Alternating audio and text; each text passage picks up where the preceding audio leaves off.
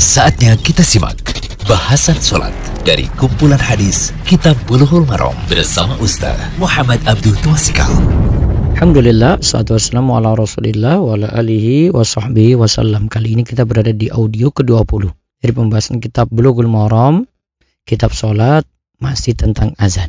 Yang kita lihat pada kesempatan kali ini ada dua bagian. Yang pertama, masih kelanjutan satu poin lagi tentang keutamaan azan yaitu bedanya muazin dan imam. Mana yang lebih utama, muazin ataukah menjadi imam? Kemudian kedua tentang hukum azan dan iqamah.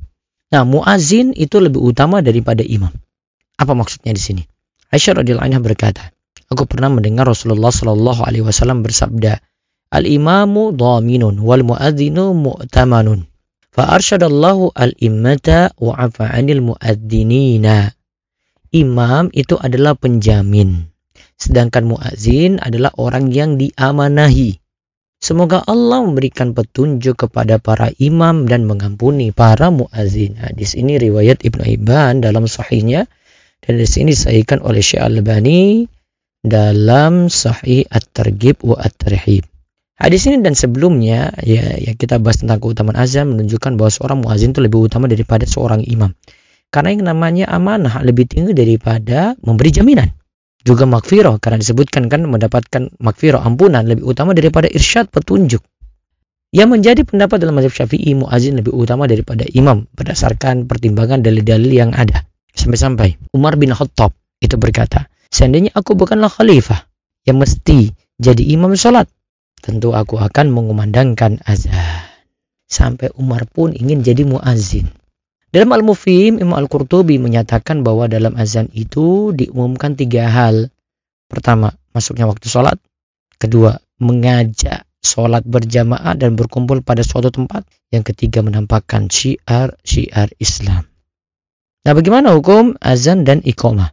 Yang paling tepat, hukum azan dan iqamah adalah fardu kifayah pada yang mukim dan musafir. Jika sebagian sudah melakukannya, maka yang lain gugur kewajibannya.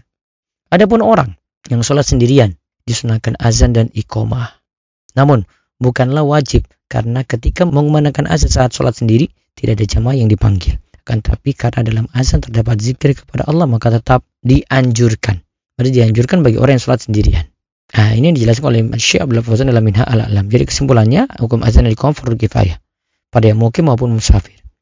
Nah, artinya sudah dilakukan maka yang lain gugur kewajibannya. Untuk orang yang sholat sendirian silakan untuk lakukan azan atau tidak karena azan itu bagian dari zikir. Namun kalau lihat pembahasan yang lainnya azan hanya khusus untuk laki-laki tidak untuk perempuan. Semoga Allah beri taufik dan ilmu yang manfaat. Demikian bahasan sholat dari kumpulan hadis Kitab Buluhul Marom bersama Ustaz Muhammad Abdul Tuasikal.